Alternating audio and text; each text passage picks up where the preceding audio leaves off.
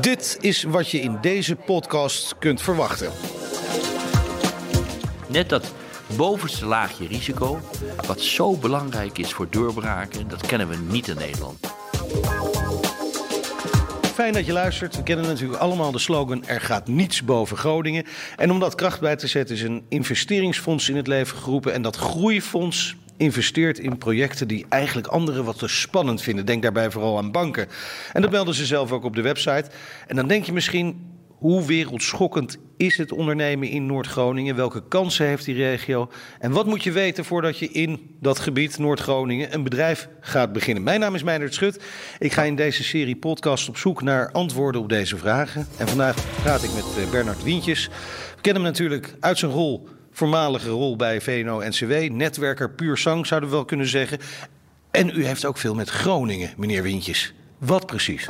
Nou, ik heb vele, vele jaren mijn bedrijf in Rode gehad. Dat is net niet Groningen. Net de kop van Drenthe, de kop hoort erbij, zeiden ze vroeger. Uh, dus ik ken het noorden heel goed. Ben bezig geweest daar in het kader van uh, de toenmalige landbangelden, ISP-gelden. Dus uh, het noorden zit heel dicht aan mijn hart. Ja, echt in het hart is dat gaan zitten. Ja, ik denk dat ik mijn carrière te danken heb aan het noorden. Dat ik daar een bedrijf had wat succesvol is, van daaruit uh, de wereld veroverd. En, uh, en uiteindelijk dan voorzitter van VNO geworden. En nu met de bouw bezig. Dan kent u de Groningers dus ook heel erg goed. In een andere podcast had ik het over het karakter, de aard van de Groningers. Kunt u die beschrijven? Nou, het zijn natuurlijk ongelofelijke, hardwerkende mensen. Ze zijn buitengewoon loyaal verkopen zichzelf slecht. je moet hun eigenschappen zelf ontdekken, want ze komen er niet mee naar buiten. Dat is een van de problemen daar. Uh, ook een beetje achterdochtig. Uh, en ik denk dat ze op dit moment toch wat aangeslagen zijn. De problematiek van de aardbevingen, uh, ja, toch de agressie tegen de randstad die zo weinig aandacht aan hun gegeven heeft leidt toch, dat viel me op toen ik laatst in Groningen was, bij Buildings, uh, tot een wat sombere stemming. En daar moeten ze doorheen. Daar moeten ze doorheen. Ik heb ook even rondgevraagd wat andere mensen in mijn omgeving nou uh, over Groningers dachten. En dat zijn natuurlijk ja, van die karakteristieken uh, stug, stil, ingetogen, misschien een beetje ruig. Loyaal werd ook echt wel duidelijk genoemd.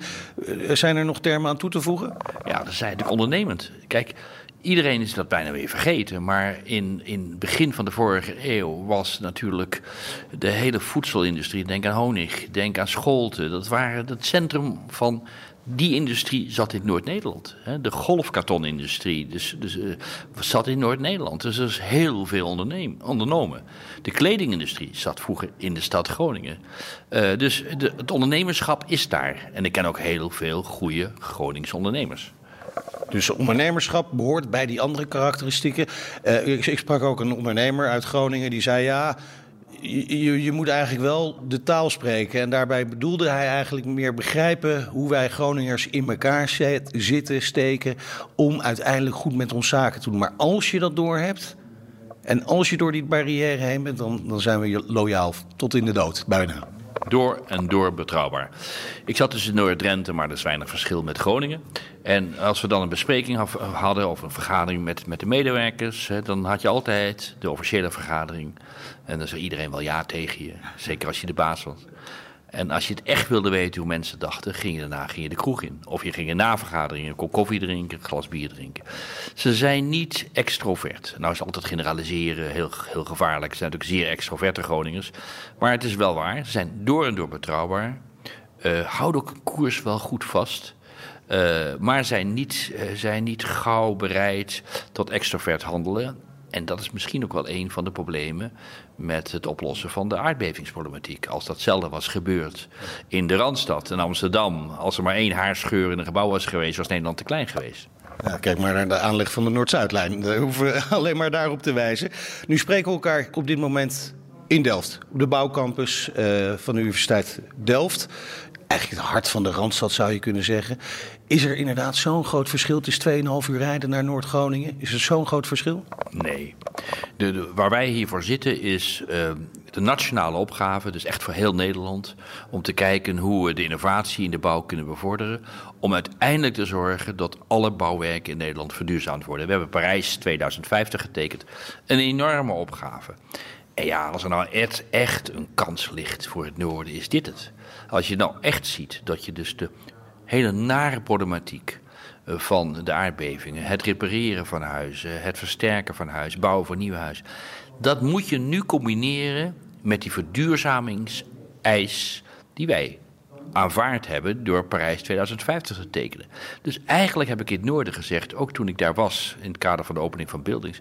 Jongens, je kan toch eigenlijk niet meer een huis hier, eh, hier bouwen of repareren met een gasleiding. Ja, misschien als, als biogas iets zou worden, kan het, maar niet meer met aardgas. Niet omdat ze het Groningen geproduceerd hebben, maar we hebben besloten in Nederland en Europa dat we loskomen van aardgas. Dus vanuit die ellende van aardbevingen gebruik de kansen. Bouw gelijk elke woning, herstel hem, maak hem duurzaam. Zorg dat daar bedrijven op afkomen die daar experimenteren en snel leren. En van daaruit ook weer die kennis naar de rest van Nederland en het buitenland kunnen verkopen.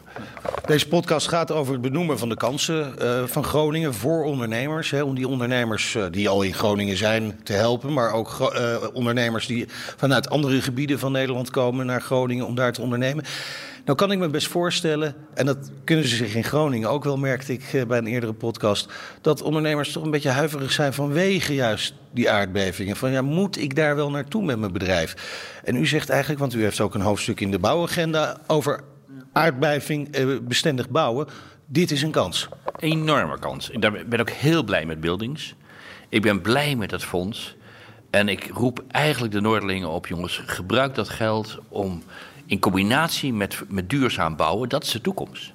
We moeten straks naar duizend woningen die per dag verduurzaamd moeten worden. Op dit moment zijn er enkele tientallen misschien. Gebruik dat. Probeer van een achterstand door je aardbeving een voorsprong. Word de regio die het snelst uh, de eisen van verduurzaming van Parijs 2050 vervult. En zorg dat dat bedrijven, die bedrijven die dat gaan doen, dat ook weer in andere delen van Nederland en het buitenland kunnen gaan. Dus pak de kans. Eigenlijk moet Groningen van zijn zwakte zijn kracht gaan maken. Ja, dat, is, dat, dat is, een goede ondernemer kan dat. Die, die, altijd een echte ondernemer ziet, ziet heel scherp waar zijn zwakte ligt en draait het om naar een kans. Nou heeft Groningen de Economic Board, daar weet u ook alles van. Uh, heeft ook een investeringsfonds in het leven geroepen dat krediet geeft waar andere investeerders het risicovol vinden. Denk aan banken bijvoorbeeld. Uh, in een andere aflevering noemden we dat groeifonds ook wel het Lefgozertjesfonds. Uh, vindt u het een verstandige zet dat Groningen dit doet? Ja, maar je moet het wel goed besteden. Zorg dat je niet het versnippert over alle mogelijke activiteiten. Dan lijkt het veel geld, maar het verdampt zo. Ik zou het fantastisch vinden dat ze in het noorden een aantal bedrijven bij elkaar gaan zitten. Zeg maar bouwbedrijven, installatiebedrijven, ingenieursbureaus, architectenbureau. En die gaan een project ontwikkelen waarbij de verduurzaming van een woning in een dag plaatsvindt. Gewoon in een dag. Kan nu al hier en daar, maar wel voor de helft van de prijs die het nu kost. Dus door grootschaligheid, innovatie, daar is geld voor, voor, voor prototypes in Groningen. Dus richt je echt op die combinatie van bouw, aardbevingsproblematiek uh, en innovatie. Focus waar je, waar je goed in kunt zijn. Ja, ja Groningen heeft, heeft heel veel goede bouwbedrijven, dus pak het aan. Er zijn ook, uh, ook leveranciers van materialen in, in Groningen.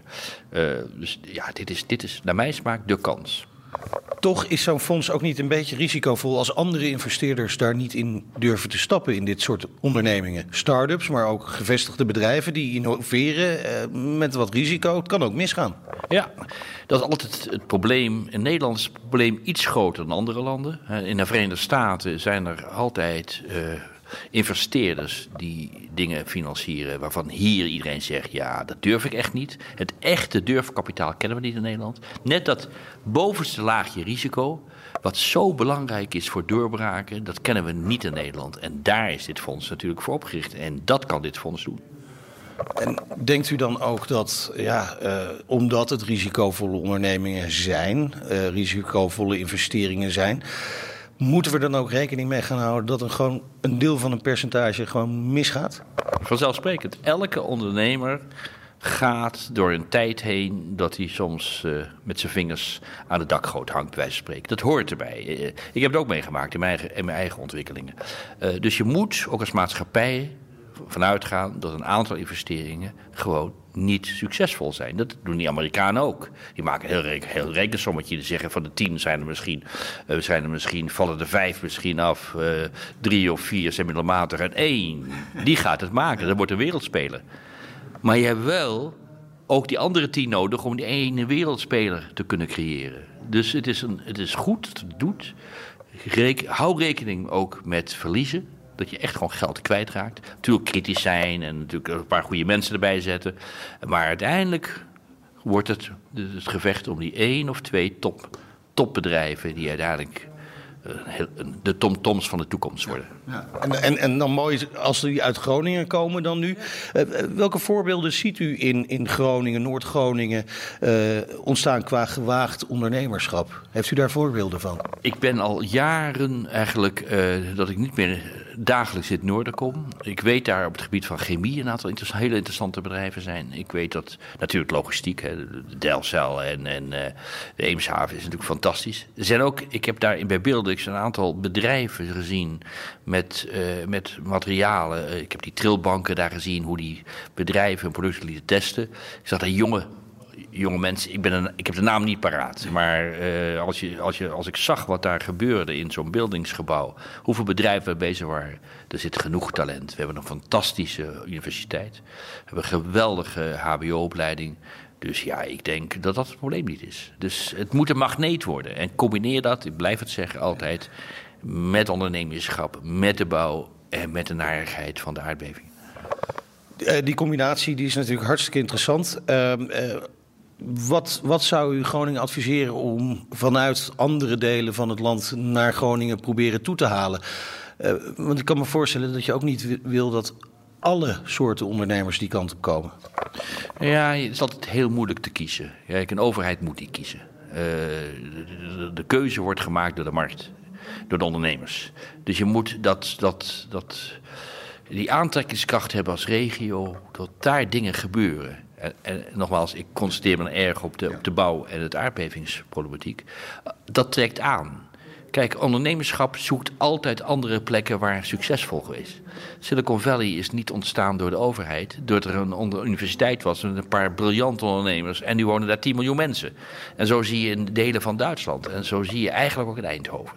En als je dat weer, als je die motor op gang krijgt en ziet dat je niet alleen maar ellende hebt met de aardbevingen, maar ook zorgt dat je dus vanuit het aardbevingsprobleem nieuwe bedrijven, nieuwe technologie kunt creëren, dan kun je heel ver komen in het noorden. Nou, nou, zijn er natuurlijk landen die veel meer ervaring hebben met aardbevingsproblematiek dan, dan wij hier in Nederland, dan Groningen. Kan Groningen een wereldspeler worden op dat gebied, terwijl er toch wel een achterstand in die ontwikkeling is? Ik weet dat niet. Daar ben ik te weinig van op de hoogte. Ik ben wel, toevallig was ik afgelopen jaar in Italië, reed door het eh, aardbevingsgebied daar. Dat is dramatisch. Dat is heel erg dramatisch. Uh, wat ik hoor van deskundigen is weer een andere vorm van aardbeving. Ik zou het niet weten. Maar het probleem dat wij overal in de wereld gasvelden hebben die leeg komen te staan, olievelden die leeg zijn, zoutmijnen die leeg zijn. Dat betekent dat in de ondergrond iets gaat veranderen en volgens deskundigen, ik ben geen deskundige, zou dat kunnen leiden tot trillingen. En dat zou weer kunnen leiden tot de problemen die men in Groningen heeft. Dus ik denk dat je, als je die duurzaamheid meeneemt, hè, gewoon, eh, gewoon uh, nul op de meter heet dat. Dus woningen die helemaal niet meer aan het elektriciteits... Uh, althans niet aan het fossiele elektriciteitsnet gekoppeld zijn. Als je dat doet in Groningen, en grootschalig, we gaan over tienduizenden woningen. Ga nieuwe scholen bouwen. Hè. Een van onze projecten is dat er scholen gebouwd moeten worden die duurzaam zijn, maar die ook veel gezonder zijn. De meeste oude scholen zijn ontzettend ongezond voor de kinderen. Maak daar een soort showcase van in het noorden. En de bedrijven die dat doen, die kunnen dat uitrollen over Nederland. En misschien ook wel in andere landen. Zeker waar uh, dezelfde problemen zijn als in, uh, als in Nederland. We hebben het al een beetje al gehad over wat eh, Groningen misschien van andere delen van Nederland zouden kunnen leren, zou kunnen leren. Wat kan de rest van Nederland nou echt van Groningen leren? Nou ja, leren op dit moment is wat lastig. Uh, los van het feit dat we een fantastische universiteit hebben, waar toch jammer is dat meer studenten elders gaan werken dan in het noorden blijven. Maar goed, dat is niet anders. Uh, ik, ik, hoop dat Groningen, sorry, dat het de rest van de wereld, de rest van Nederland kan gaan leren van de veerkracht van Groningen. Maar dan moeten ze wel tonen. En dan kunnen ze er trots op zijn. Maar daar ziet u echt een situatie op dit moment, met name gekoppeld aan die aardbevingsproblematiek, dat, dat ze echt een knauw hebben gekregen. Zo voel ik dat als ik u hoor zo hoor. Ja, ik vond het. Ik vond het en het is ook terecht. Ik bedoel, ik vind ook dat het Nederland de Groningers veel te lang in de steek gelaten heeft. Dat, uh, dat zeg ik echt uh, vanuit mijn persoonlijk gevoel. Uh, een ander punt is natuurlijk in het noorden dat ik tegen hun zei. Je moet eigenlijk het woord krimpgebied verbieden in het noorden. Want dat is echt contraproductief. Er zijn natuurlijk gebieden van Groningen, van Groningen Oost-Groningen, waar mensen weggaan.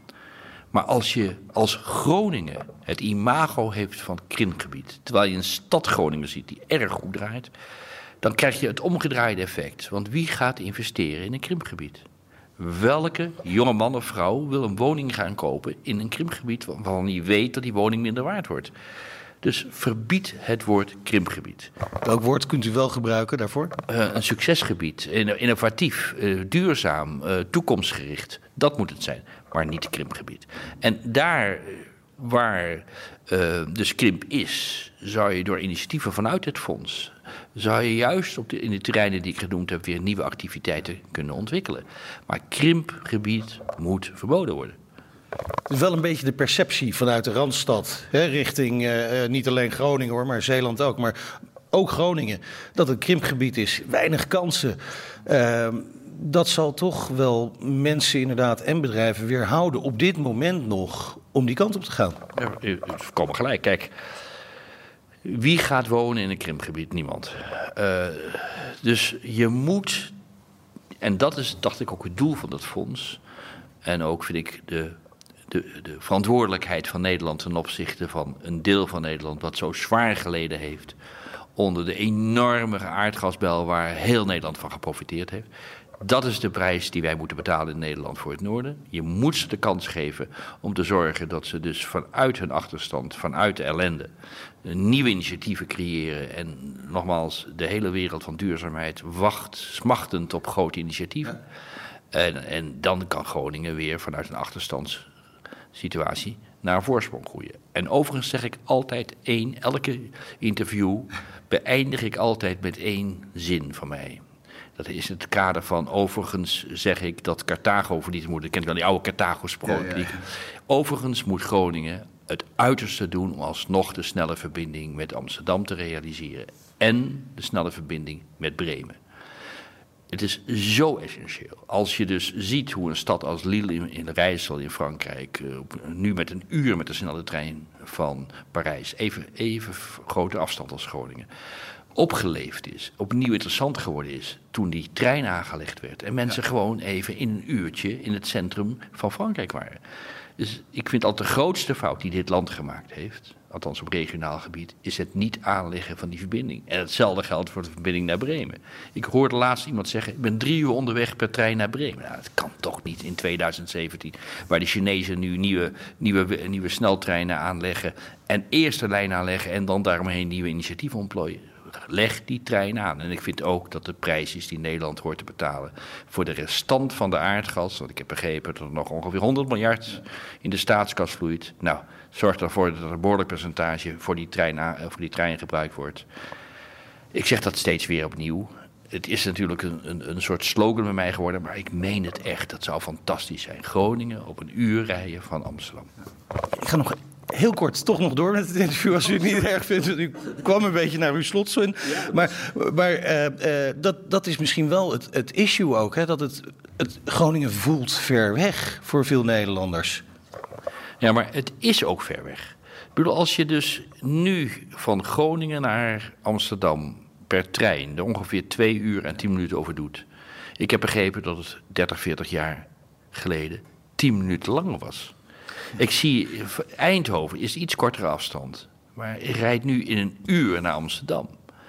Uh, dus die verbindingen zijn zo cruciaal. Kijk naar de snelwegen. Als ik, uh, ik woon in Ommen nu, uh, dus ik moet altijd 28. Nou, niet, ik moest vanmorgen vroeg hier zijn bij gisteravond maar gaan rijden in een hotel gekopen. Het kan niet meer. Maar met name die trein is zo belangrijk. Groot, een snelle verbinding Kijk wat er in alle landen in de wereld gebeurt. Spanje heeft, heeft zijn delen van Spanje ontwikkeld door zijn snelle trein. China doet niet anders. En Nederland heeft eigenlijk helemaal geen snelle trein. En aan de andere kant zijn we een stadstaat. Wat is nou in Amerikaanse en Chinese begrippen de afstand? Dus als je Groningen op die manier erbij trekt, niet alleen maar omdat je energie, of sorry, industrie daar ontwikkelt, maar ook dat je het echt fysiek op korte afstand. Het zou fantastisch zijn. En zorg dan dat de Duitsers meedoen, waardoor je ook een hele snelle verbinding naar Scandinavië en naar Berlijn hebt. Dat is natuurlijk wel een interessante. Als Groningen vergeten wordt door de Randstad in de steek is gelaten de afgelopen uh, decennia, moet Groningen niet gewoon lekker naar Duitsland kijken? Ligt om de hoek? Ja, natuurlijk. En en. Uh, dat doet Groningen ook. Hè. Ik, ik, herinner mij toen ik betrokken was bij uh, VNO-NCW Noord... dat er dus ook hele intensieve banden zijn aan de grens. Het is alleen jammer dat dus ook vlak over de grens daar ook niet het sterkste deel van Duitsland is. Dat heeft te maken met de historie, dat zie je in de hele wereld.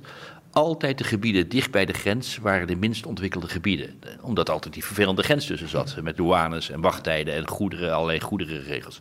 Maar ik ben het volledig met, met u eens. Uh, het is, het, het Groningen moet ook een veel sterkere nog positie kunnen hebben in Duitsland.